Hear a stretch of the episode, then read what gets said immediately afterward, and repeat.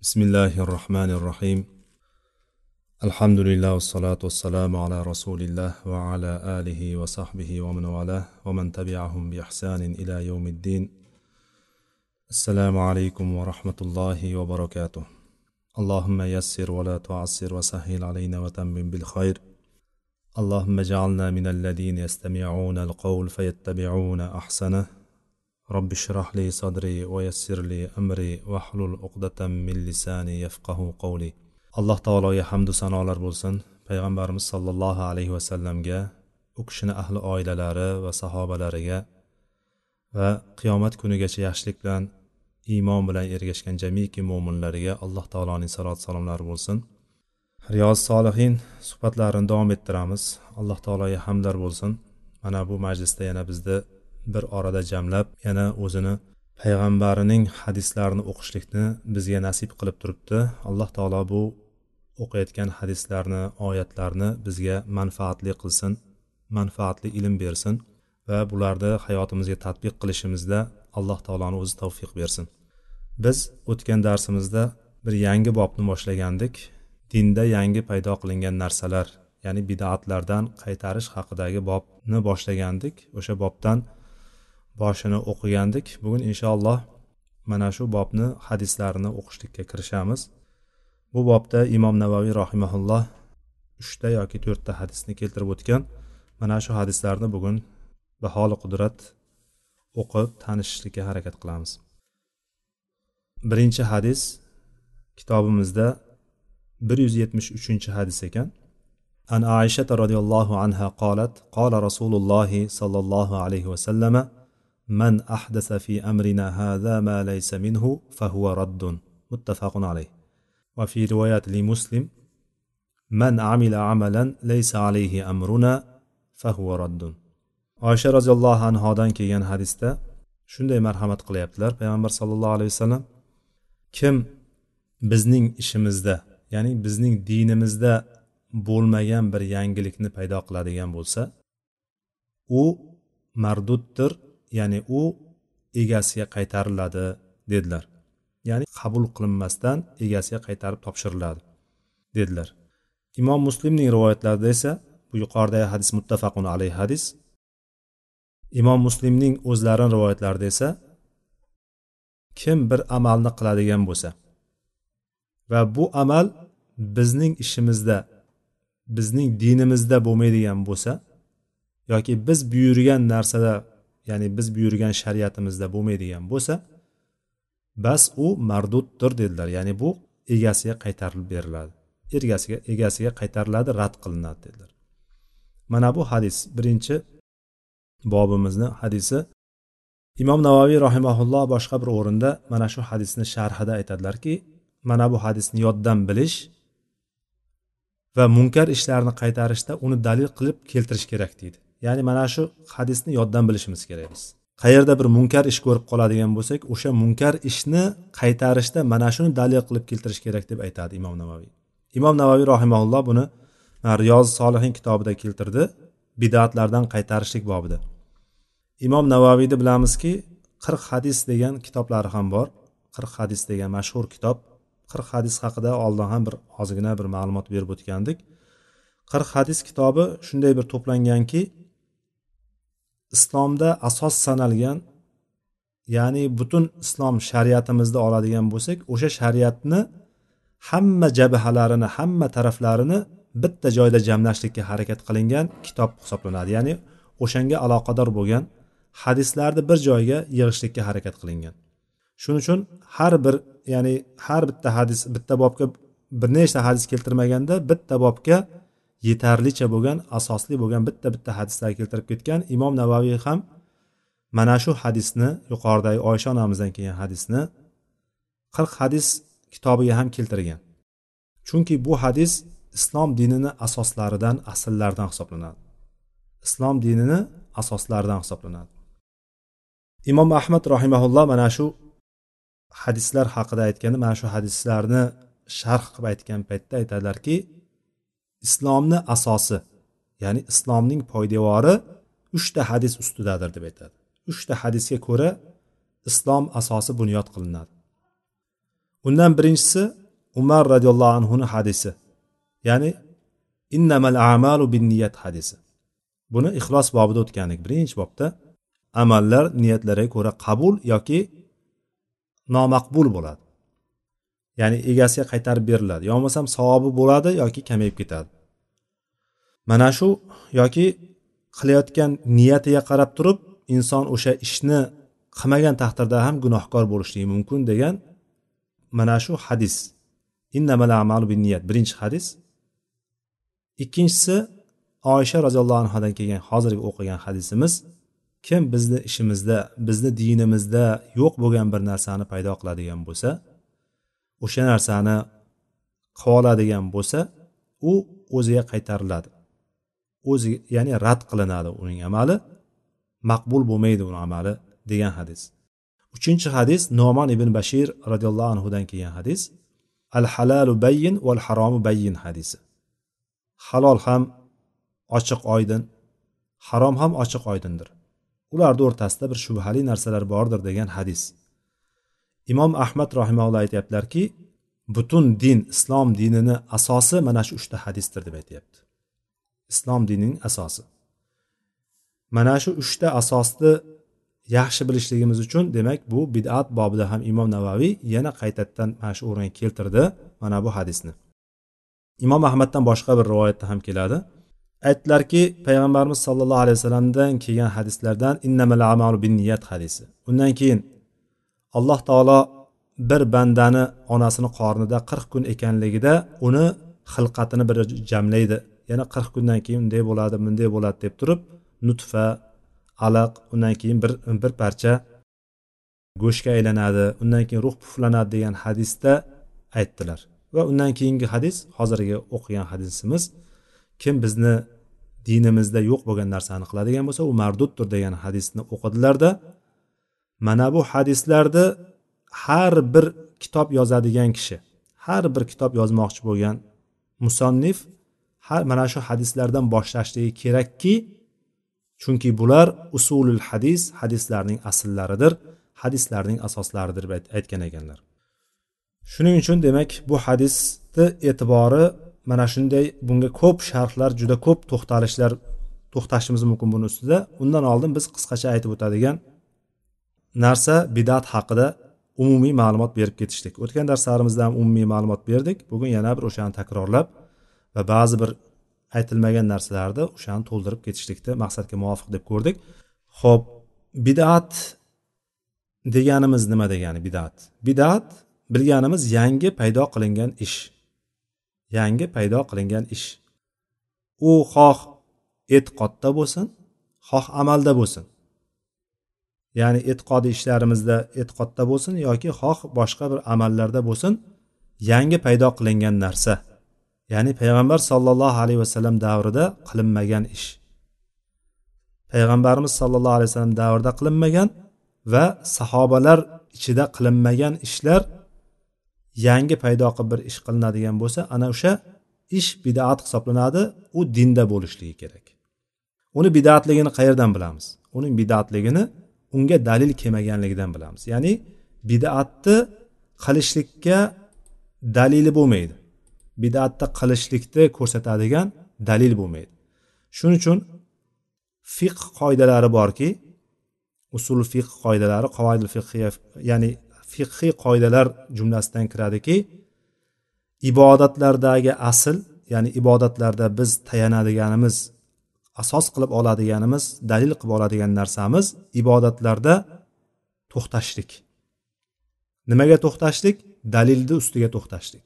Yoki boshqacha bir qoidani aytadigan bo'lsak ibodatlarni ibodatlarda asl bo'lgan narsa tahrim deydi ya'ni haromligi.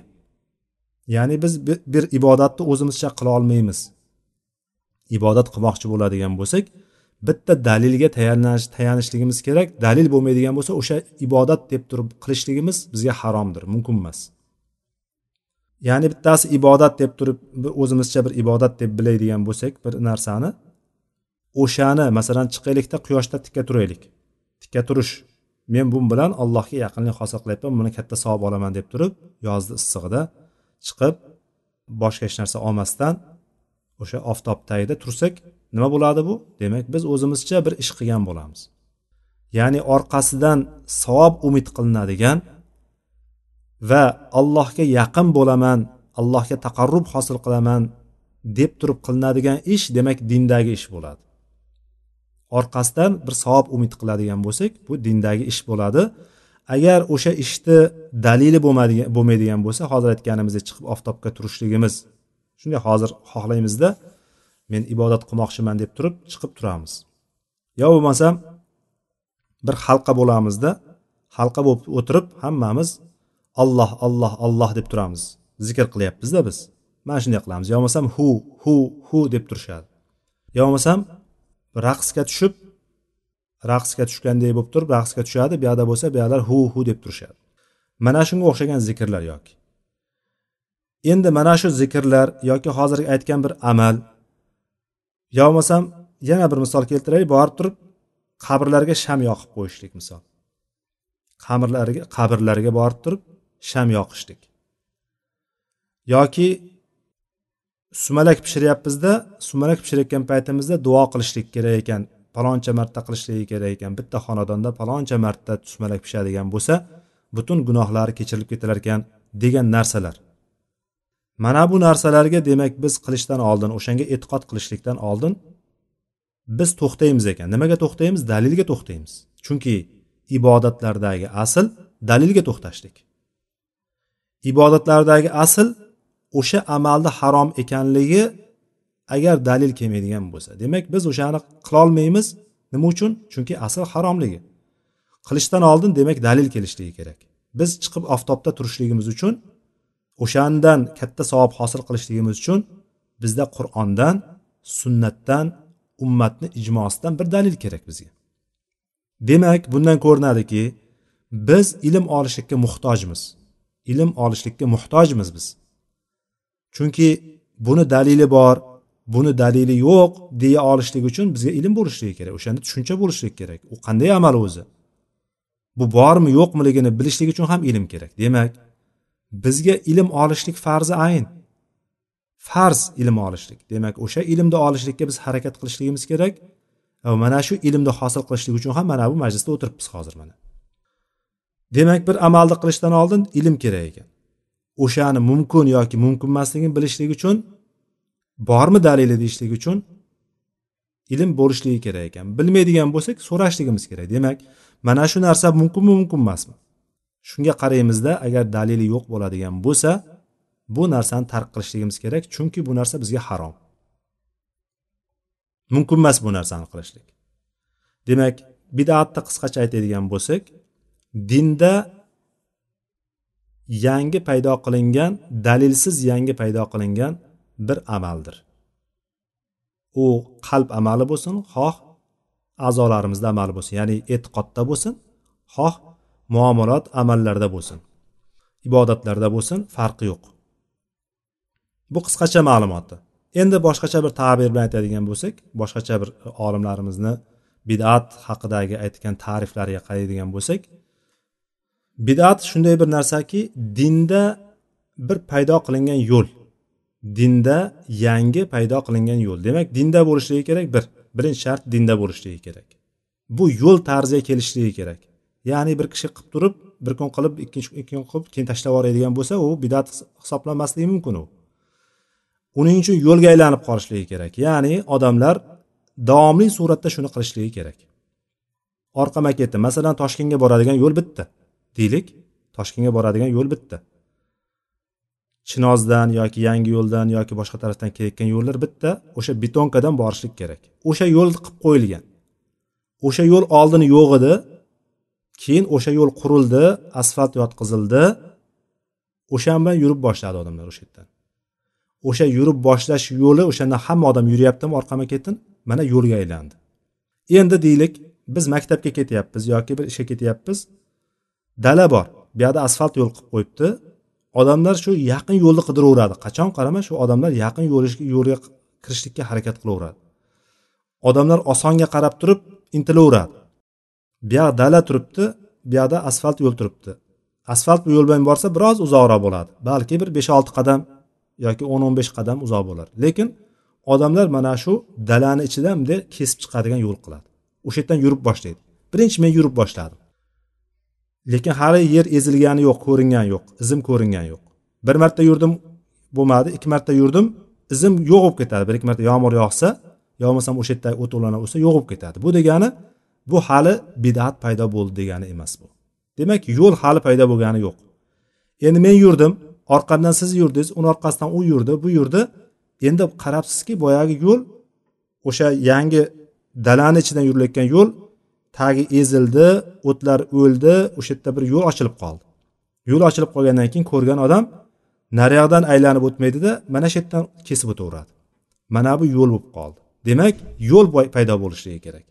Ya'ni bir kishini orqasidan qolganlar davom etishligi kerak o'sha amalni mana shu bidat bo'ladi. Demak sharti demak dinda bo'lishligi bitta yo'l paydo bo'lishligi kerak. Men qilaman orqamdan siz qilasiz boshqa qiladi davom etib kelaveradi. Masalan odamlar borib turib e, qabrlarni yonida o'sha qabrlarga tanga tashlashligi misol. Tanga tashlaydi yo bo'lmasam pul tashlaydi o'sha yerga niyatlarini qiladi. Bunisi boradi unisi boradi yoki bo'lmasam borib turib bir daraxtga niyat qilib turib bog'lab keladi ip bog'lab keladi. Borib turib bir ip bog'laydida niyatini qilib keladi. Birinchi marta eshitgan paytimda mana shuni hayron qolgandim. Aytishardiki biz bormagan odam qolmaydi ya'ni shunaqa bir orqama ketim borishadi bir daraxt bor. O'sha yerga borib turib o'sha bog'lab kelishadi. Ya'ni xossatan o'quvchilar hali abituriyentlar institutga kirayotgan paytda hamma borar ekanmiz o'sha o'sha anonda o'sha rayonda atrofi oblast o'shani ular hamma odam bor qarasangiz bir xuddi bir narsa bo'layotganday bir marosim katta bir narsa bo'layotganday hamma shu piyoda borishligi kerak paloncha metrni paloncha kilometrni borib turib o'sha bog'lab kelishligi kerak. Ya'ni shunga o'xshagan narsalar. Mana shunga o'xshagan narsalar bo'ladiki odamlar mana shu ishni qiladi davomli suratda qiladi. Demak davomli suratda qilishlik bilan yo'lga aylanib qoldi. Uchinchisi yangi paydo qilingan bo'lishligi kerak to'qib chiqarilishligi kerak ya'ni dalili bo'lmasligi kerak. Dalili bo'lmasligi kerak degani bilan bu dindan butunlay uzoq narsa ham yo'q. U shariatga o'xshab ketishligi kerak dinga o'xshab ketadi xuddi dindagi bitta amalga o'xshab ketadi. O'xshashlik tarafi bo'lishligi kerak. Chunki odamlar o'z uz o'zidan qolmaydi o'sha qandaydir darajada dinga o'xshab ketadi. Bunday qaragan odam tashqi ko'rinishdan dinga o'xshab ketadi.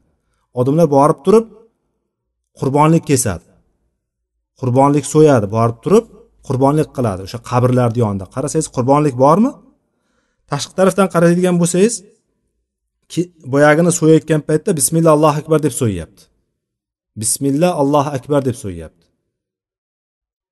Siz o'ylaysizki bismillah allohu akbar deb so'ygan paytda demak bu dindan bu go'shtini yeyish mumkin deb o'ylaysiz. Lekin u vaholanki borib turib boyaginga qurbonlik qilayotgan bo'ladi. Shariatga o'xshab ketadi tashqi ko'rinishda. Namoz o'qiydi borib turib qabrni ichida qabrni ustida yoki. Xuddi shunaqa va oxirgi anavisi bu yo'li bilan bu qilayotgan ishi bilan alloh taologa yaqin bo'lishlikda mubolag'a qilayotgan bo'ladi. Ya'ni allohga yaqin bo'ladigan yo'lni qidiryapman men. Allohga yaqin bo'ladigan yanada yaqin bo'lmoqchiman. Bu amalim bilan bilasanmi meni butun tug'ilganimdan boshlab turib o'lgunimcha gunohlarim kechirib ketadi degan narsani umid qilyapman degan bir qasdi bo'ladi uni maqsadi bo'ladi oldiga qo'ygan. Mana shu umumiy olganda mana shu bidatni keng tarifi mana shu. Endi bidatni hasana yoki hasana sayya bo'lishligi degan masalaga kiradigan bo'lsak ulamolar o'rtasida ixtilof bor. Shuning uchun kengroq bo'lgan olimlar to'xtagan joy. Ya'ni buni ichida qo'rqmasdan to'xtalsa bo'ladigan joyi bid'atni hasanasiyu sayyiasi bo'lmaydi. Bid'atni hasanasi ham sayyiasi ham bo'lmaydi. Ya'ni bid'atni yaxshi yomon degan narsasi bo'lmaydi. Buni qanday tushunamiz deydigan bo'lsa islomda ya'ni aytganku umar roziyallohu anhu masalan dinda yaxshi amal bo'ladi. E, mana boyagi ramazonda payg'ambarimiz sallallohu alayhi vasallam o'tib ketganlaridan keyin abu bakr xalifa bo'ldi. Xalifalik o'tgandan keyin umarga tushdi xalifalik.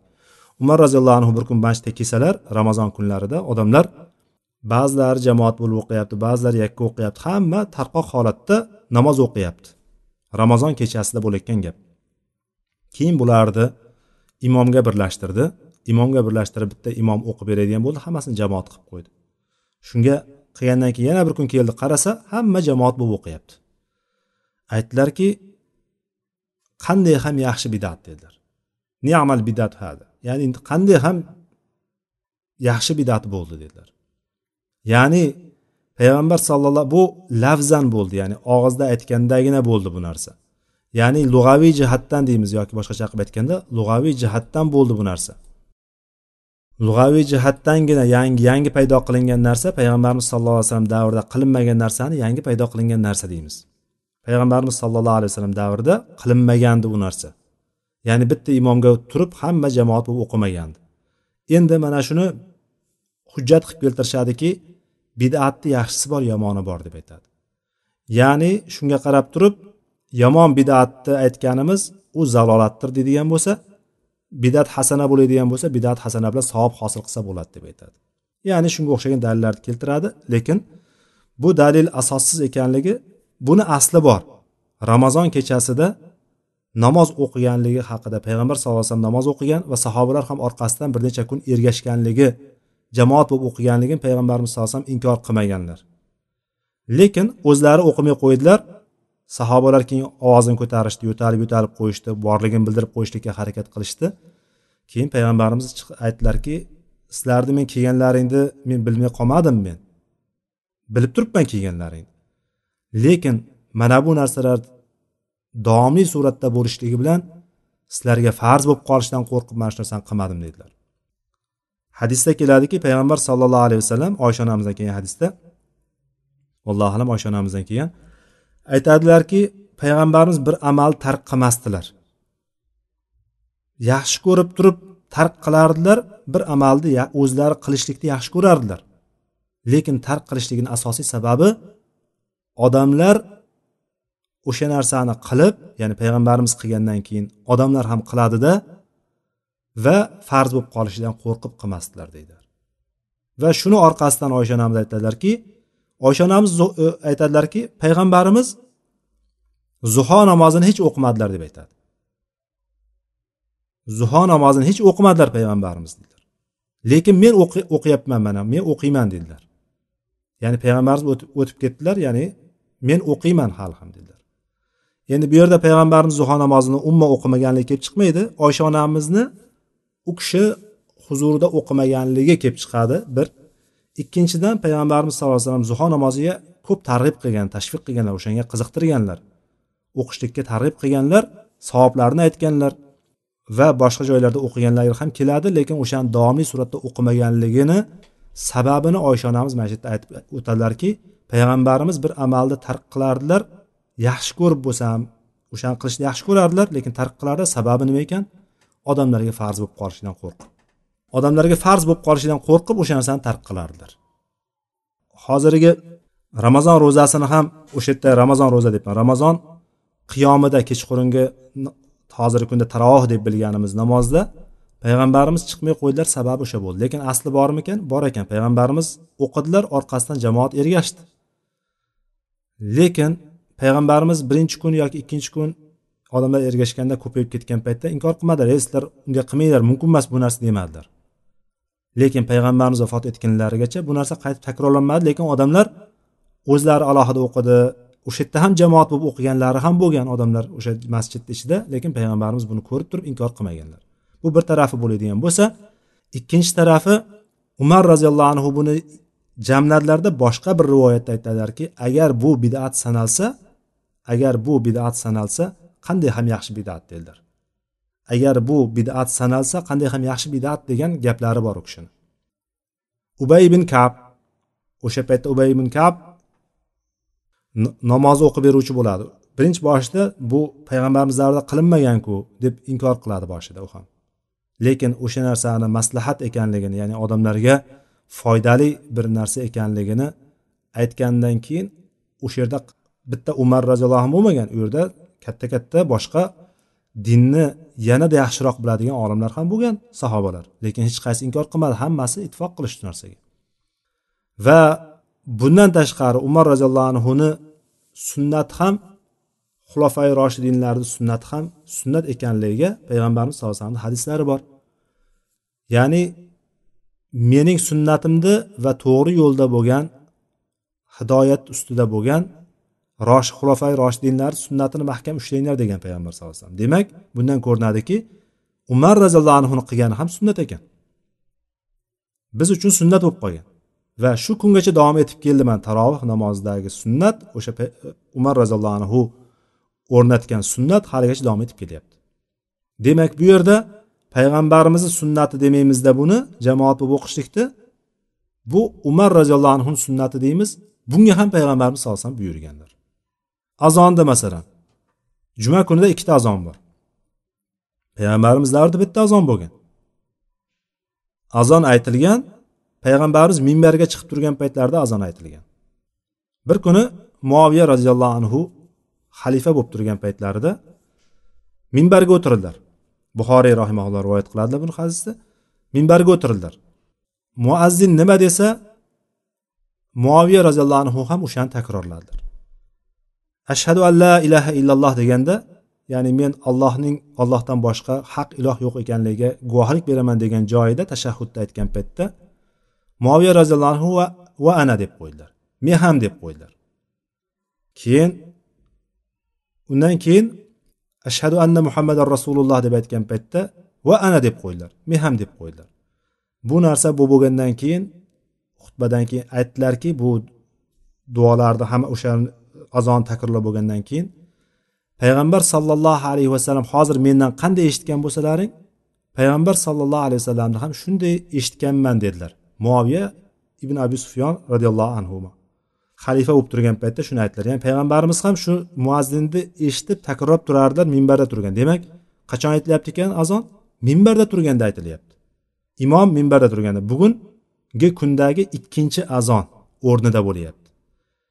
Juma kunda ikkinchi azoni ikkinchi azon payg'ambarimiz sallallohu alayhi vasallam davrida bo'lgan azon o'sha. Birinchi azonchi birinchi azonni usmon roziyallohu anhu qo'shdilar buni. O'zlarini xalifalik davriga kelganda usmon roziyallohu anhu mana shuni qo'shdilar. Payg'ambarimiz sallallohu alayhi vasallam davrida bormidi? Bu yo'q edi. Buni qo'shyapti bu dinni ichidagi amalmi bu azon? Dinni shiorlaridanmi ha shiorlaridan. Buni qo'shdi hech kim inkor qilmadi bu narsani. Chunki odamlar ko'paydi o'shanga tayyorgarlik bosqichi qilindi va mana bu narsani o'rnatdilar mana shu sunnatni. Ya'ni bu usmon roziyallohu anhuni o'rnatgan narsalari va bu hozirgi kungacha davom etib kelyapti. Bu nimani ko'rsatadi. Bu narsani bidat emas bu narsani balki sunnat ekanligini ko'rsatadi. Sunnat xulofai roshidinlarni sunnatlari qur'onni bir oraga jamlashlik haqidagi qur'onni bir joyga jamlandi. Payg'ambarimiz davrida bitta kitob qilinganmidi? Yo'q. Qilinmagandi. A bular nima deydigan bo'lsa mana shunday deb javob beriladi bularni hammasiga. Demak bid'at degan bilan biz to'g'ri tushunib olishligimiz kerak. Bid'atni yaxshi yomoni bo'lmaydi. Bid'atni hammasi zalolat hisoblanadi. Va hadislarda kelgan e'tiborga qaytadigan bo'lsak zalolatni hammasi bo'lsa qayerda bo'ladi? Do'zaxda bo'ladi. Ho'p demak bu amallar yuqoridagi oysha onamizni hadislari demak bidat shuni umumiy tarzda umumiy qoidasini tushunib oldik dinda yangi paydo qilingan dalilga asoslanmagan bir ibodat ya'ni allohga yaqin bo'laman deb turib qilingan bir ibodatdir u. Xoh u so'zdan bo'lsin xoh zikrda bo'lsin xoh e'tiqodda bo'lsin boshqa amallarda bo'lsin farqi yo'q uni. Bu amal agar dinda topilmaydigan bo'lsa dinimizda rasululloh sollallohu alayhi vasallam kelgan shariatda yo'q bo'ladigan bo'lsa bu egasiga topshiriladi rad etiladi rad qilinadi bu narsa. Egasiga qaytarib beriladi. Bu narsa rad qilinishligi ibodatlarda ham bo'ladi muomalatda ham bo'ladi. Ya'ni ibodatlarda deganimizda alloh taolo va rasuli sollallohu alayhi vasallam chiqarib olib kelgan hukmdan tashqarida bo'ladigan bo'lsa u amal bekor. Qilgan bu amali bilan savob hosil qilmaydi bu bilan. Bu bilan balki gunohga kiradi gunoh qilgan bo'ladi. Endi bilib turib o'sha amalni bilib turib o'shani bidat ekanligini bilgan holatda qilishligi bilan bu narsa nauzubillah ba'zi olimlarni fikriga qaytadigan bo'lsak bu dindan chiqib qolishligi mumkin inson. Chunki u o'shani qilishligi bilan alloh taoloni ustidan mazax qilgan bo'ladi alloh saqlasin bundan. Dindan chiqib qolishligiga dalil buni boyagi aytgan gaplari bilan biz o'ynab aytayotgandik degan boyagi kishilarni gapi bor. Ulardan dinni mazaxlab o'shani o'qiganda istehzo qilib turib masxaralab aytgan paytda biz faqat buni bir gap bo'lsin deb turib o'ynab aytayotgandik. Ya'ni aytyapti shu narsani. Shunda olloh aytyaptiki ollohni uning oyatlarini va rasulini sizlar masxara qilyapsizlarmi? deb aytadi. O'shanda orqasidan aytadiki la ta'taziru qod kafartum ba'da imanikum. Endi uzr aytmay qo'ya qolinglar. Qilar ishni qilib bo'ldilaring endi uzr aytishga hojat yo'q. Sizlar iymon keltirgandan keyin kufrga ya'ni kufrga kirib ketdilaring yani qod kafartum kofir bo'ldilaring iymoningizdan keyin ya'ni musulmon bo'lib turgan mo'min bo'lib turgan joylaringizda mana shu masxara qilishlik bilan istehzoga kirdilaringmi? Kofir bo'ldilaring deyapti alloh taolo. Demak dinni masxara qilishlik bu islomdan insonni dindan chiqarib qo'yadi. Bilib turib demak bidat ekanligini zalolat ekanligini o'sha ishni bidat ekanligini bilgan holatda yana qasddan qilaveradigan bo'lsa bu ko'proq kimlardan chiqadi? Bu o'sha yo'lga chaqiruvchilarni o'zlari bilgan holatda ba'zilarda o'sha narsani bilib turib odamlarni o'sha ergashtirishlikka harakat qilib turib chaqiradiganlarda bo'ladi bu holat. Alloh hammamizni bu narsadan asrasin. Makka mushriklari ham makka mushriklari haqida alloh taolo aytadiki yoki ularning dindan alloh taolo izn bermagan narsalarni ham shariatga kirgizib beruvchi sheriklari bormi deydi. Ya'ni alloh taolo dinda ruxsat bermagan narsani dinga kirgizib beradigan bir sheriklari bormi deydi. Ularni gumashtalari bormiki dinga kirgizib qilib beradigan. Ya'ni allohni dini o'zgarmas. Bu dinni alloh taolo bugun sizlar dinlaringni men komil qildim ne'matimni mukammal qilib berdim sizlarga degan tamomladim oxiriga yetkazdim va islomni sizlarga din deb rozi bo'ldim degan oyatda dinda hech qanday kamchilik yo'q. Dinda biron bir nuqson yo'q qolib ketgan joyi yo'q. Din mukammal bo'ldi. Payg'ambarimiz sollallohu alayhi vasallam kelishligi bilan bitmay turgan binoni bitta g'ishti oxiriga qo'yildi. Oxiriga bitmay turgan joyini payg'ambarimiz kelib turgan payg'ambarlar kelib butun islom binosi butun bo'layotgan bo'lsa bitta joyi ochiq qolgan. Payg'ambarimiz sallallohu alayhi vasallam payg'ambar qilib jo'natildi. Oxirgi payg'ambar o'sha qo'yilgan oxirgi g'isht binoning oxirgi g'ishti payg'ambarimiz bo'ldi. Ya'ni islom bu butun bo'ldi. Uni kamchiligi yo'q. Endi kimda kim shunda kam biron bir amal qilayotgan bo'lsa demak dinda kamchilik bor degan bo'ladi. Oldingi darslarimizda ham aytdikki demak allohga ta'na qilgan bo'ladi shariatga ta'na qilgan bo'ladi payg'ambarimizga ta'na qilgan bo'ladi. Ya'ni payg'ambarimiz dinda olib kelmagan degan davoni qilgan bo'ladi bidatchi kishi. Demak bu ibodatda bo'ladigan bo'lsa ibodatda demak umuman yo'q. Qaytariladi o'ziga qaytariladi amali va gunohkor bo'ladi o'sha amali bilan. Ikkinchi tarafdan bo'ladigan bo'lsa muomalatda ham xuddi shunday. Muomalat deganimiz muomalalar. Odamlarni o'rtasidagi muomala shartnomalar kelishuvlar e, nikoh taloq masalasi bo'lsin oldi sotdi masalasi bo'lsin shunga o'xshagan masalalar. Muomalalar. Odamlarni o'rtasida bo'ladigan muomalalar. Ibodatda aksariyat holatda kishi bilan allohni o'rtasidagi aloqa bo'ladi ibodat deganimizda.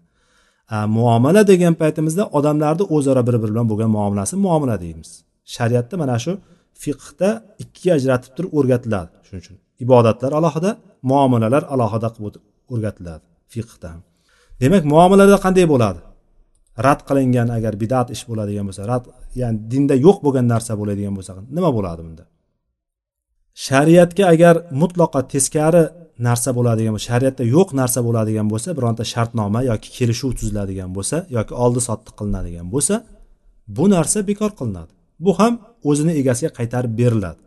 Agar savdo qilgan bo'lsa botil savdo qiladigan bo'lsa o'shani savdosini sotib olgan puli egasiga qaytarib mol egasiga qaytarib beradi. Ya'ni shunaqa tushun dedik ya'ni bir amal agar shariatga muvofiq bo'lmaydigan bo'lsa qaytarib berilishligini mana shu misolda tushunsak bo'ladi. Men bitta narsani sotib oldim. Sotib oldim. Sotib olgan pul meniki emas edi.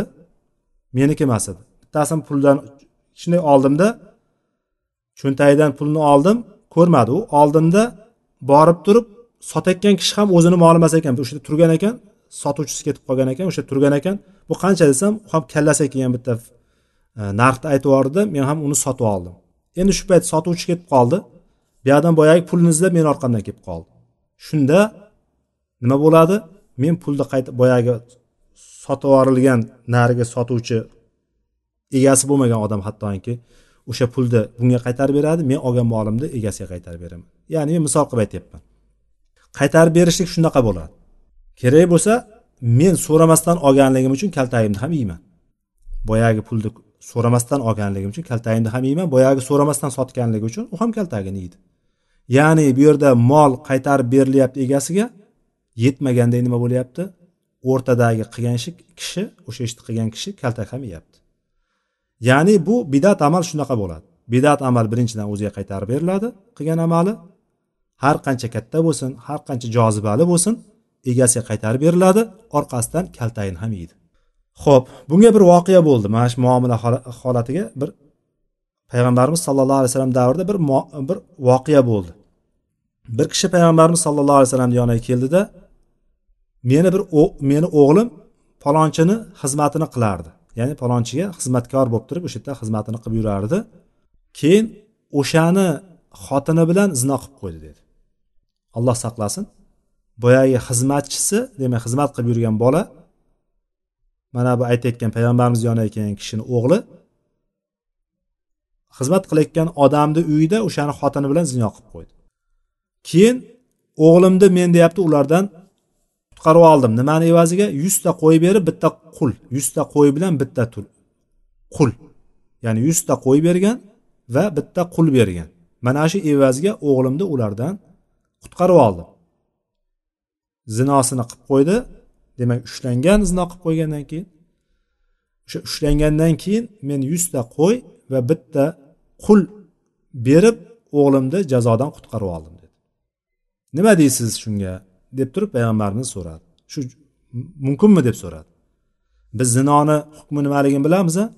Zinoni hukmi agar u turmush qurmagan bo'lsa uylanmagan yoki turmushga chiqmagan bo'ladigan bo'lsa uniki yuzta darra urishlik va surgun qilishlik bir yil.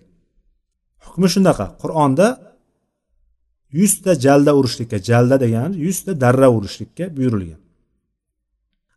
Uylangan bo'ladigan bo'lsa turmushga chiqqan bo'ladigan bo'lsa uning hukmi toshbo'ron qilib o'ldirishlik. Rajm rajm qilinishligi kerak. Rajm deganimiz toshbo'ron qilib o'ldirishligi. Ho'p endi bu yerda boyagi nima qilyapti? O'g'li demak uylanmagan. Zino qilib qo'ydi. Uni jazosi nima edi? Yuz darra urilib surgun qilinishligi edi. Payg'ambarimiz aytdilarki yuzta qo'y bilan bitta qulni qaytarib beradi. Ya'ni seni bergan narsalaring qaytarib beriladi. O'g'lingga keladigan bo'lsak o'g'ling esa unga yuzta darra uriladi va bir yilga surgun qilinadi dedilar payg'ambar sallallohu alayhi vasallam. Ya'ni bundan ko'rdikki muomalada ham dinda yo'q narsani. Agarchi bularga mantiqli edi ikki taraf rozi bo'ldi to'g'rimi? Chunki o'g'lini qo'yib yuboryapti qutqarib olyapti o'g'lini. Rozi rizochilik bilan bo'lmaydi dinda. Dindagi hukmlar o'rnatilgan qo'yilgan. Hamma narsani hukmi bor. Hech narsa tashqariga chiqib qolmaydi. O'sha dindan tashqariga chiqmagan holatda biz hukm qilishlikka buyurilganmiz. Ana endi bu yerda ikki taraf rozi bo'lgan taqdirda ham dinda shariatimizda yo'q bo'lganligi uchun bu hukm bekor qilindi rad qilindi. Bergan narsasi qaytarib berilib jazo qanday bo'lsa xuddi shu jazo qilindi. Mana bu hadis buxoriy muslimda keltirilgan hadis. Asos hadis bu. Yuqorida aytganimiz asos hadis demak biz dinimizda yo'q narsa paydo qilinadigan bo'lsa o'sha amalni mardud ekanligi rad qilinganligini u xoh ibodatda bo'lsin xoh muomalalarda bo'lsin shuni bildik demak biz bu narsadan uzoq yurishligimiz kerak bu narsadan imkon qadar uzoq yurishligimiz kerak ekan bidat degani mana shu ekan bu hadis tushunarli undan keyingi hadisga o'tamiz an jabir roziyallohu anhu qol كان رسول الله صلى الله عليه وسلم إذا خطب احمرت عيناه وعلى صوته واشتد غضبه حتى كأنه منذر جيش يقول صبحكم ومساكم. ويقول بعثت أنا والساعة كهاتين. ويقرن بين أصبعيه السبابه ووسطى. ويقول أما بعد فإن خير الحديث كتاب الله وخير الهدي هدي محمد صلى الله عليه وسلم وشر الأمور محدثاتها وكل بدعة ضلالة.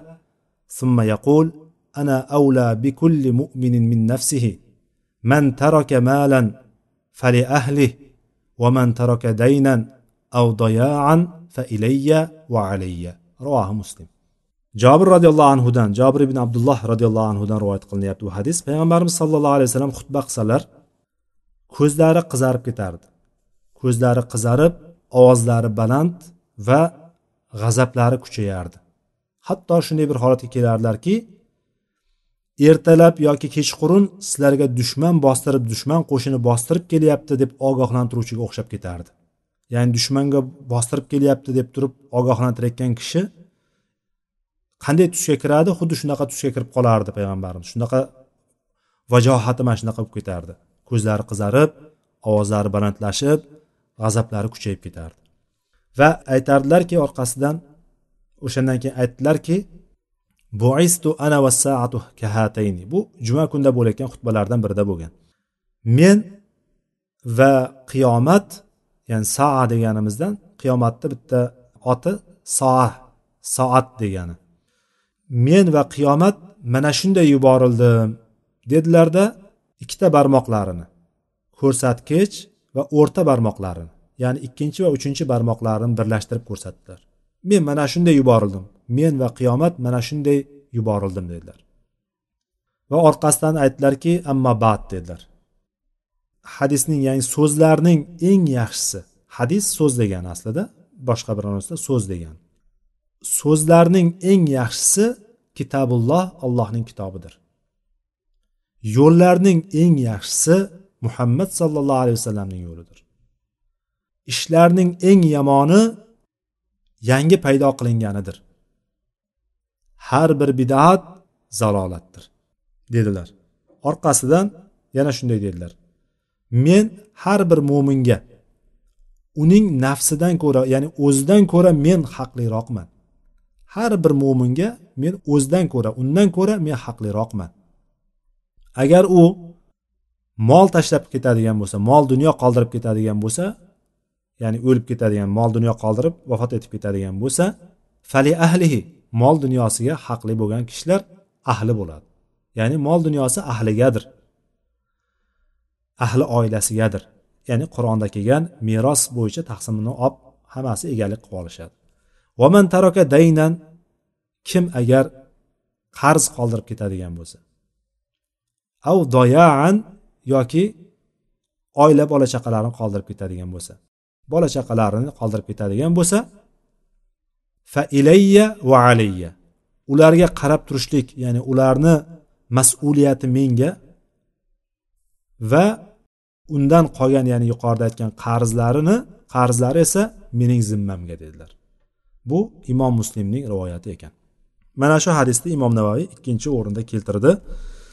Ya'ni bundan ko'ramizki payg'ambar sallallohu alayhi vasallam xutba qilayotganlarida boshqa bir ko'rinishga tushishlik ya'ni bilamiz payg'ambarimiz sallallohu alayhi vasallam xulqlari juda go'zal bo'lgan yumshoq bo'lgan shunaqa bir go'zal xulqli va yumshoq muloyim bo'lgan kishi xutba qilayotgan paytda qaragan kishi xuddi dushmandan ogohlantirayotganday bir tusga kirib ketishligi ko'zlari qizarib ovozlari balandlashib g'azablari kuchayib ketardi deb ta'rif beryapti jobir.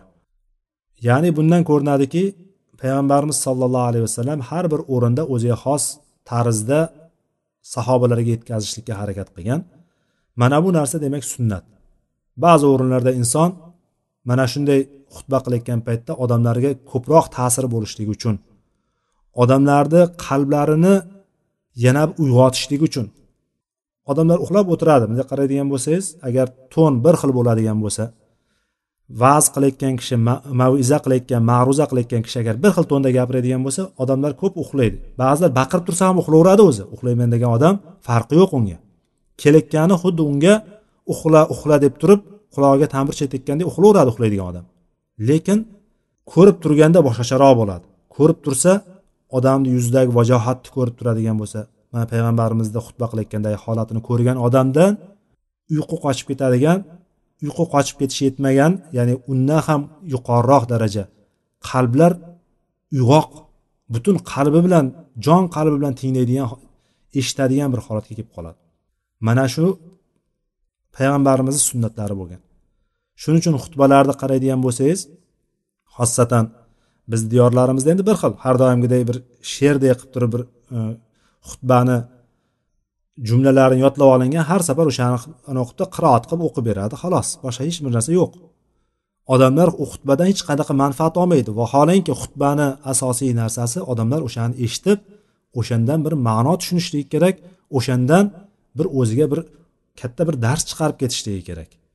Shuning uchun xutba qisqa bo'lishligi kerak. Mana bular bo'ladigan bo'lsa hech bir anosi bizdagilar mana shuni quruqqina shu arabchasini aytib qo'ya qoladi bo'ldi xolos. Ba'zi joylarda bo'ladigan bo'lsa bir qo'liga tezni tez tezisga o'xshagan bir e, bir varaq chiqarib kelinadi. O'sha diniy mahkamadan yozib berilgan bo'ladi o'shani o'qib beradi. Uni o'qib berganda ba'zilar chiroyli qilib ifodali qilib e, biroz ta'sirli qilib o'qib beradi. Ba'zilar bo'ladigan bo'lsa birinchi marta qo'liga olgan bo'ladi. Inqillab sinqillab bir bala qilib o'qib beradi. Mana bunaqa emas. Lekin biz asli bularni sunnatda amal qilgan olimlarimizga shayxlarimizga qaraydigan bo'lsak masalan arablarni masalan bir qiziqib arablardagi xutbalarga bir ochib qarab ko'ringlar. Internetdan ochib turib arablarni xutbalarini qaysi bir tanigan shayxni otini yozib turib xutbasini bir eshitib ko'ringlar. Ana o'shanda qaraydigan bo'lsangiz ularni oddiy ma'ruzalardan ko'ra xutbalarini butunlay boshqacha bo'lganini ko'rasiz. Bu nima? Bu payg'ambarimiz sallallohu alayhi vasallam sunnatlari bu. Odamlar o'shanda yanada jon qulog'i bilan eshitadi qalbi ochiq holatda eshitadi. Demak mana bu narsani payg'ambarimiz sallallohu alayhi vasallam qilganlar. Va aytgan gaplari bu yerda birinchi aytganlari men va qiyomat mana shunday yuborildim deb turib ko'rsatkich va bosh barmoqlar ko'rsatkich va o'rta barmoqlarini birlashtirib ko'rsatganlar. Ya'ni yonma yon qilgan paytda qaraydigan bo'lsak yonma yon qiladigan bo'lsa buni ikkita tarzda tushunishligimiz mumkin. Yonma yon qiladigan bo'lsa men shunday keldim bevosita yonimda qiyomat ham keldi degan narsa tushunadi. Agar yon yondan qaraydigan bo'lsak. Lekin tepasiga qaraydigan bo'lsak ko'rsatkich barmog'imiz biroz kichikroq bo'ladi. Ko'rsatkich barmog'i o'rta barmog'idan uzun bo'lgan kishi menimcha hech ko'rmadim endi bunaqa holatlar bo'lsa ham anomaliya holatlar bo'ladi. Ya'ni normaldan tashqari bir holat e, bo'ladi. Kasalliklarda bo'lishligi mumkin. Lekin odatda insonlarni qo'lini bunday ikkalasini birlashtiradigan bo'lsa qo'lnikini aytyapman oyoqnikini emas. Qo'lni ko'rsatkich barmog'i odatda o'rta barmoqdan kichikroq bo'ladi. Ya'ni tasavvur qilaylik ko'rsatkich barmoq payg'ambarimiz sollallohu alayhi vasallam bo'lsalar ana deb aytganlarida bu yerda buistu ana degandan payg'ambarimiz sallallohu alayhi tasavvur qiladigan bo'lsak orqasidan qiyomat va saa kahatayni dedilar va ikkalasini birlashtirgan soat ikkinchisini oladigan bo'lsak demak orasida kichkinagina masofa bor. Kichkinagina masofa bor. Ya'ni qo'limizni barmog'imizni uzunligiga e'tibor qiladigan bo'lsak barmoqni uzunligi qanchayu tepasida qolayotgan masofa qancha? Ya'ni bu degani qiyomatni juda yaqinligiga dalolat qiladi degan. Payg'ambarimiz sallallohu alayhi vasallam har xil ta'birlar bilan bularni ishlatganlar va bir hadisda payg'ambarimiz ta'riflab ko'rsatdilar. Quyosh xurmo daraxtlarini ustiga kelib qolgan payt edi. Ya'ni botish tarafga kelib turib xurmo taraf e, xurmoni daraxtlarni ustiga kelib qolgan joyiga kelganda ya'ni asrdan keyingi quyosh botishdan oldingi holat. O'sha joyga kelgan paytda dunyolarda hech qancha narsa qolmadi. Qolgan bo'lsa mana shu kundan qancha qolgan bo'lsa o'shancha qoldi deganlar. Ya'ni bir kun kun bo'yini oladigan bo'lsak ertalab tong otgandan to quyosh botgungacha oladigan bo'lsak kunni asosiy qismi o'tib bo'ldi. Asosiy qismi o'zi tong otgandan peshingacha bo'lgan qismi juda uzun bo'lgan qismi. Undan keyin asrgacha bo'lgan asrdan keyin birpasda botadi ketadi asr bo'ldi degani quyosh botdi degan hisob. Lekin bu asrdan keyingi ham holat turibdi ozgina qolgan botishiga. O'shani aytib turib dunyolaringdan qolgan bo'lsa mana shu kundan nima qolgan bo'lsa o'shancha qoldi degandir ya'ni odam alayhissalom yaratilgan kundan boshlab agar tasavvur qiladigan bo'lsak odam alayhissalom yaratildi o'sha kun boshladi deb hisoblaylik. Yoki yer osmonni yaratilishligi kundan boshlaylik. Ala kulli hal qanday bo'lgan taqdirda ham agar insonlarga nisbatlanadigan bo'lsa odam alayhissalomdan hisoblanadi. Odam alayhissalom yerga tushirilgan kundan boshlab turib qiyomat kunigacha bo'ladigan kun bir kun deb oladigan bo'lsak kunduzi ya'ni. Quyosh chiqib asrdan keyingi paytga kelib qolibdi уже bu qachon edi? bir ming to'rt yuz o'ttiz yetti yil. Ya'ni agar hijratdan boshlab hisoblaydigan bo'lsak hozir bir ming to'rt yuz o'ttiz yettinchi yilni muharram oyini oxirgi kunlarida o'tiribmiz. Muharram oyi tugayapti. Mana shu bir ming to'rt yuz o'ttiz yetti yil o'tibdi shu gap aytilganiga deylik. bir ming to'rt yuz o'ttiz yil deylik. Ana payg'ambarimiz sallallohu alayhi vasallamni umrlarini oxirroqlariga yaqin aytilgan bo'lsa ham bir ming to'rt yuz o'ttiz yil o'tib ketibdi o'sha aytilgan gapga ham. Ya'ni demak bunday qaraydigan bo'lsak dunyoni yoshiga hisoblab oladigan bo'lsak go'yo bizga uzun tuyulgandek bo'ladi lekin e, bu ham demak ancha payg'ambarimizdan keyin yana bir ming to'rt yuz yil o'tib ketganiga e'tibor qiladigan bo'lsak bir ming to'rt yuz o'ttiz yil o'tib ketganiga e'tibor qiladigan bo'lsak bu degani balki quyosh botish arafasiga kelib qoldi degani. Boya yuqoriroq xurmoni tepasida turgan bo'lsa endi botish arafasiga kelib qoldi deganday narsa kelib chiqadi alloh taolo bizni o'sha kunda yashatadigan bo'lsa alloh taolo bizni islomda iymonda sobit qilsin. Undan keyin payg'ambarimiz ammo bad dedilar va bugungi mavzumizga tegishli bo'lgan joyi endi yetib keldi. Ya'ni bid'at mavzusiga tegishli bo'lgan joyi imom navoiy bu hadis bu o'ringa keltirishlikdan maqsadi bo'lgan qismi endi yetib keldi. So'zlarning eng yaxshisi gapirilgan gaplarning eng yaxshisi alloh taoloning kitobi. Chunki u ollohning kalomi hisoblanadi. Alloh taolo gapirgan bevosita. Qur'onimiz biz o'qiyotgan qur'onimiz alloh taoloning so'zi alloh taoloning kalomi alloh taolo gapirgan uni. Alloh taolo aytib bergan o'tgan ummatlardagi qissalarni alloh taolo bizga ko'rsatib bergan o'zini qanday sifatlari bilan qanday ismlar bilan biz ollohni bilishligimiz kerakligini qur'onda aytib qo'ygan. Alloh taolo tavhid qanday bo'lishligini qur'onda aytgan. Hamma narsa ya'ni mana shu kitobni atrofida aylanadi. Butun ilm qur'onni atrofida aylanadi. Demak eng yaxshi kalom eng yaxshi so'z bu allohning kitobi. Yo'llarning esa eng yaxshisi payg'ambar sallallohu alayhi vasallamni yo'li. Yo'llarning eng yaxshisi payg'ambar sallallohu alayhi vasallamni yo'li. Chunki inson ibodatda har qancha kuchli bo'laman deyishligi mumkin. Lekin payg'ambar sallallohu alayhi vasallam olib kelgan yo'ldan tashqariga chiqib ketib yaqin bo'la olmaydi alloh taologa. Chunki ollohni yaxshi ko'raman deganlarga ayting menga ergashinglar deb ayting o'shanda alloh sizlarni yaxshi ko'radi demaganmidi boya oyatda payg'ambarimiz sallallohu alayhi vasallamga. Ya'ni biz ergashsakkina yaxshi ko'radi alloh taolo.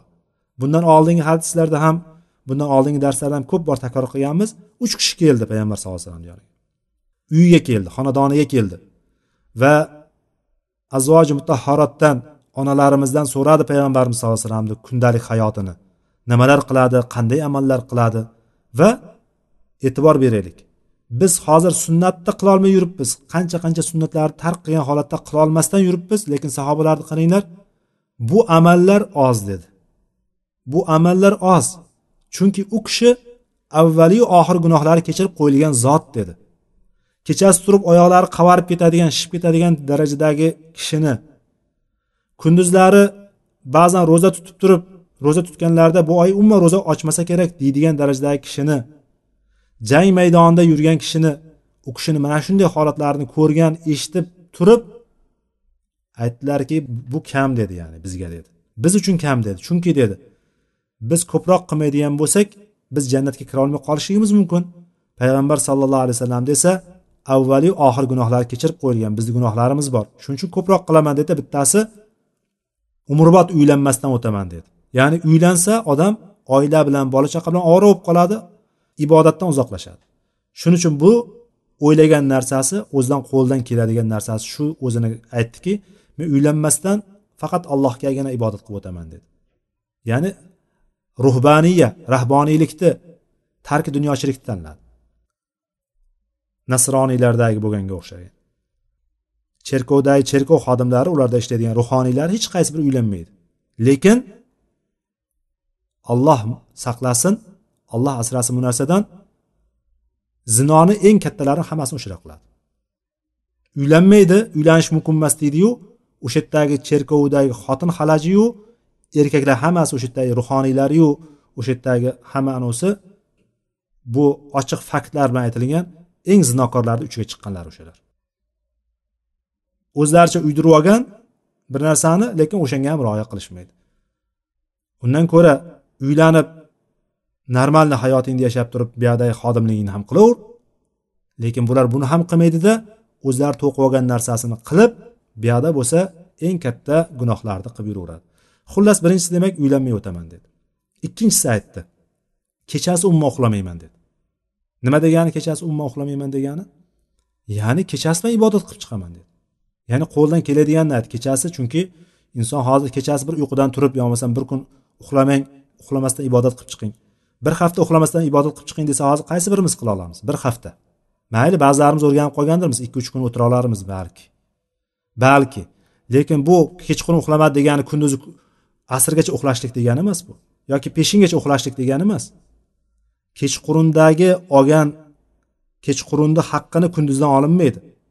Kechqurunni haqqi ham beriladi kunduzi ham haqqi beriladi. Ana o'shanday tarzda kechqurun ibodat qilib turib kunduzi ham boshqa ishlarni oqsatmaydigan qilib turib boshqa ishlari qolib ketmaydigan bo'ladigan kishi kechqurun ibodat qilgan kishi hisoblanadi. Kechqurun bir soat yoki yarim soat ibodat qilib turib peshingacha uxlashlik nima degani bu? Bekorchilik degani boshqa narsa degani emas bu. Ho'p demak bu kechasi uxlamayman dedi. Uchinchisi aytdiki umrbod ya'ni umuman ro'zamni ochmayman dedi. Ro'zamni ochmayman degani har doim ro'za tutaman dedilar. Mana shu gaplarni gapirdi gapirdi ketishdi tarqalib. Payg'ambarimiz uyga kelganlarida mana shunday mana shunday mana shunday bo'ldi palonchi palonchilar keldida mana shunaqa mana shunaqa deb aytib ketdi dedilar. Keyin payg'ambarimiz sallallohu alayhi vasallam o'shalarni qattiq ogohlantirdilar ya'ni men kechqurun namoz ham o'qiyman uxlayman ham. Payg'ambarimiz namoz kechasi bilan hech namozni tark qilganligi kelmagan hadis kitoblarimizni ochib varaqlab chiqadigan bo'lsak tungi ibodatlar haqida tahajjud haqida gapiradigan bo'lsak payg'ambarimiz bir safar kasal bo'lib qolganligi sababli bir kecha yoki ikki kecha tahajjudga turolmadilar degan rivoyatni ko'ramiz. Avvaliyu oxir gunohlarni kechirib qo'ygan zot mana shunday bo'lgan. Buni sababi so'ralganda ko'p shukur qiluvchi banda bo'lmayinmi deganlar. Mana shu kishi shunday deyaptilar. Aytdilarki men uxlayman ham kechqurun namoz ham o'qiyman. Men ro'za ham tutaman lekin ro'za tutmagan paytlarim ham bo'ladi. Ba'zan tutaman ba'zan tutmayman. Ya'ni umrbod ro'za tutmayman men har doim har doim ro'za tutib o'tmayman umrimni oxirigacha. Men ro'za ham tutaman tutmayman ham. Men ayollarga uylanaman. Mana ko'rib turibsizlar meni ayollarim bor. Dedilarda kim mana shu sunnatimdan yuz o'giradigan bo'lsa u mendan emas dedilar. Ya'ni payg'ambarimizni mendan emas deydigan joyiga kelib qoladi agar inson o'zicha bir narsa qiladigan bo'lsa. Demak shundan bir qoida qilishimiz mumkinki qoidalar mana shu hadislardan oyatlardan keltirib chiqarilganki amalni qabul bo'lishligini ikkita sharti bor. Ikkita asosiy sharti bor. Buni ko'p takrorlaganmiz va takrorlayveramiz mana shu narsani biz o'zimizni hayotimizga tatbiq bo'lib ketishligi kerak. Birinchisi ixlos bo'lishligi kerak. Amalimizda ixlos bo'lishligi kerak. Qilayotgan amalimizni faqat allohni roziligi uchun allohdan savob umid qilgan holatda qilishligimiz kerak har bir amalimizni ikkinchisi qilayotgan amalimiz sunnatga muvofiq bo'lishligi kerak. Sunnatdan tashqariga chiqib ketishib qolishligi kerak emas. Shariatga muvofiq bo'lishi kerak shariatdan tashqaridagi amal bo'lishligi kerak emas. Mana shu ikkita amal ikkita shart topilsa ana o'sha amalimiz qabul bo'ladi. Bo'lmasam bittasi tushib qoladigan bo'lsa ham ixlos tushib qoladigan bo'lsa ham yo'q qilgan amalimiz odatga aylanib qoladi. Savob olmaymiz hech qanaqa. Agar shariatga muvofiq bo'ladigan bo'lsa ikkinchisi shariatga muvofiq agar ixlos bilan qilinsa har qancha ixlos balki bid'atni qilayotganlar xurofotlarni qilayotganlar kerak bo'lsa sizdan ko'ra xushu bilan qilishligi mumkin kerak bo'lsa sizdan ko'ra ixlos bilan qilishligi mumkin. Lekin har qancha ixlosi katta bo'lmasin har qancha ixlosi baland kuchli bo'lmasin shariatda yo'q bo'ladigan bo'lsa u marduddir mana hadisimizda ko'rinib turibdi. Demak yo'llarni eng yaxshisi qaysi yo'l ekan? Payg'ambar sallallohu alayhi vasallamni yo'li ekan. U kishi olib kelgan yo'l oldimizda turibdi. Shariatimiz sunnatlar mana ko'rib o'qib turibmiz. Ibodatlardagi deymizmi muomalalardagi deymizmi hammasi ko'zimizni oldida. Hech bir yashirincha bilinmay qolib ketgan joyi yo'q. Hammasi ochiq oydin kun qanday ochiq ravshan bo'ladigan bo'lsa xuddi shunday ochiq ravshan. Keyin ishlarning eng yomonlari ishlarning ya'ni amallarning eng yomoni qaysi amal? Amallarning eng yomoni muhtasatuha. Muhtasatuha yangi paydo qilinganlar. Amallarni yangi paydo qilinganlari eng yomonidir. Endi orqasidan bu yangi paydo qilingan ishni bidat ekanligini payg'ambarimiz sallallohu alayhi vasallam yana ta'kidlab aytdilarki har bir bidat zalolatdir dedi. Ya'ni yuqoridagi yangi paydo qilingan ish dinda yangi paydo qilingan ish demak bidat ekanligini mana shu hadis ko'rsatib turibdi. Boshqa bir rivoyatda esa boshqa bir rivoyatda aytiladiki har bir bidat zalolatdir har bir zalolat esa do'zaxdadir deb keladi hadisda. Har bir zalolat esa do'zaxdadir bayhaqiyni hadisida kelgan bu bayhaqiyni rivoyatida kelgan. Imom bayhaqiyni rivoyatida mana shu qismi ham bunga qo'shiladi. Demak e, bidatlarni oxiri zalolat zalolat esa do'zaxga olib boruvchi ekanligini mana shu hadisdan biz o'rgansak bo'lar ekan. Shunda rivoyat qilinadiki bir kishi payg'ambarimiz sallallohu alayhi vasallam shunday kelib turib xutbaga chiqayotgan paytda bir kishini ko'rdilar. Bir kishini ko'rdilar boyagi kishi quyosh tagida tikka turgandilar. Quyosh tagida tikka turgandilar. Uni ko'rdilarda payg'ambarimiz bu kim deb nima qilib turibdi deb so'radilar. Ya'ni oftob tagida hech qanday soyalanmasdan turganligini ko'rib turib bu kishi nima qilib turibdi bu yerda dedilar. Shunda aytdilarki bu kishi oftobni tagida turishlikka o'tirmaslikka va ro'za tutishlikka nazr qilibdi dedi. Boshqa rivoyatlarda o'sha kishini holati haqida zikr qilinadi. O'sha kishi kim edi nima qilgandi deganda payg'ambarimiz sallallohu alayhi vasallamni xutbalarini ulug'lashlik uchun payg'ambarimizni xutbalarini mana shunday holatda eshitishlikda bir katta bir yanada savob olaman deb turib niyat qilib turib quyosh tagida oftobda o'tirmasdan va ro'za bilan eshitishlikni niyat qilganligi aytiladi boshqa bir rivoyatlarda. Sababi o'sha bo'lgan deydi. Shunda payg'ambarimiz aytdilarki aytinglar soyalansin. Soyalansin soyaga o'tirsin. Turgan bo'lsa o'tirsin ya'ni soyaga o'tib turib o'tirsin dedilar ro'zasini davom ettirsin. Ya'ni mana shu qilgan nazri o'shani aytib qo'ygan narsasi shariatga muvofiq bo'lishi bo'lmasligiga qarab turib payg'ambarimiz shunga hukm berdilar. Ya'ni boyagi kishi o'rinsiz o'rinda oftobga chiqib oldi. Oftobga chiqish faqat qaysi kunda bo'ladi? Shu haj mavsumida bor bu narsa. Soyalanmaslik bor. Va oyoqda tikka turishlikni ibodat o'rni bor qachon? Namozda tikka turishligimiz bor azon aytayotganda tikka turishlik bor. Arafada o'tirmasdan tikka turib duo qilishlik bor. Bular bor lekin bu hozirgi aytayotgan o'rni qaysi biriga tushyapti? Hech qaysi biriga o'ringa tushmayapti. Demak lekin ro'za ro'zaga niyat qilgan ro'zasini payg'ambarimiz sallallohu alayhi vasallam ochsin ro'zasini demadilar. Chunki ro'zani xohlagan paytda tutishligi mumkin inson. Bunga biron bir anosi yo'q monelik yo'q. Mana shu kishini holatidan payg'ambarimiz sallallohu alayhi vasallam ular u kishini qaytardi. O'tirsin soyalansin va ro'zasini davom ettirsin. Mana shu narsa bizga asl bo'lib qolishligi kerak. Ibodatlarda qaysi bir narsa bizga qaraydigan bo'lsak o'sha dinimizdan sal bosh tashqarida bo'ladigan bo'lsa demak u zalolatdir. Zalolat esa do'zaxga olib boradi bizni. Alloh saqlasin. Biz bidatlardan shunday qo'rqishligimiz kerak. Dinni ikki qismga bo'ladi deydi. Mana shu din bidat haqidagi narsani aytadigan bo'lsak ilmni yarmi deydi. Ilmni yarmi. Yarmi botiniy tarafda bo'ladigan bo'lsa yarmi zohiriy tarafda. Ya'ni botiniy qismimiz degani qalbimizda niyatimizda bo'ladigan bo'lsa yarmi niyatimizga tegishli bo'lgan qolgan yarmi bo'ladigan bo'lsa mana shu bidatlarni bilishlikda. O'sha bidatlardan saqlanadigan bo'lsak amallarimiz bizda qabul bo'lishligini sababi bo'ladi. Uning uchun boyagi aytganimizdek yana ilmga qaytadi. Hadisni davomini ham tarjima qilib qo'yamiz. Payg'ambarimiz sallallohu alayhi vasallam aytdilarki men har bir mo'minga o'zidan ko'ra haqliroqman dedilar. Oyatda ham shunday keladi. Oyatda ham payg'ambar mo'minlarga o'zlaridan annabiyu avla bil mu'minina min anfusihim degan oyat bor. Ya'ni payg'ambar mo'minlarga o'zlarini jonlaridan nafslaridan ko'ra haqliroqdir deb aytadi. Mana bu hadisda men ham haqliroqman. Bu haqliligi nima bilan bo'ldi? Kim mol dunyo qoldirib ketadigan bo'lsa ahliga u. lekin kim qarz qoldirib ketadigan bo'lsa yoki bola chaqa qoldirib ketadigan bo'lsa uni mas'uliyati uni to'lashlik mening zimmamga dedilar payg'ambar sallallohu alayhi vasallam. Undan keyin hadisni imom navoiy bitta bir og'iz gap bilan aytib ketyapti. An irbad ibn sariya roziyallohu anhu hadis sabiq fi babil muhofazati ala sunna sunnatni muhofaza qilishlik sunnatga rioya qilishlik bobida kelgan oldingi o'tgan irboz ibn sariya hadisi. Irvoz ibn sariya hadisini e, biz oldingi darslarimizda o'qigandik. Payg'ambarimiz sallallohu alayhi vasallam xutba qildilar. Bizga maviza qildilar. Undan qalblar qo'rquvga tushdi. Ko'zlarga yosh to'ldi. Va payg'ambarimiz aytdiki siz vidolashayotgan kishini xutbasidek mavizasidek maviza qildingiz. Bizga nasihat qiling degan paytda taqvo qilishlikka va amirlarga agar ustlaringga bir qul keltirib qo'yiladigan bo'lsa ham qul sizlarga amir bo'ladigan bo'lsa ham eshitib itoat qilinglar. Hali biroz yashaydigan bo'lsalaring ko'p ixtiloflarni ko'rasizlar. Ana o'shanda mening sunnatimga va hidoyat qilingan to'g'ri yo'lda bo'lgan xalifalarimni ya'ni roshid xalifalar sunnatiga ergashinglar. Ularni oziq tishlaring bilan mahkam tishlab olinglar. Yangi paydo qilingan ishlardan ehtiyot bo'linglar.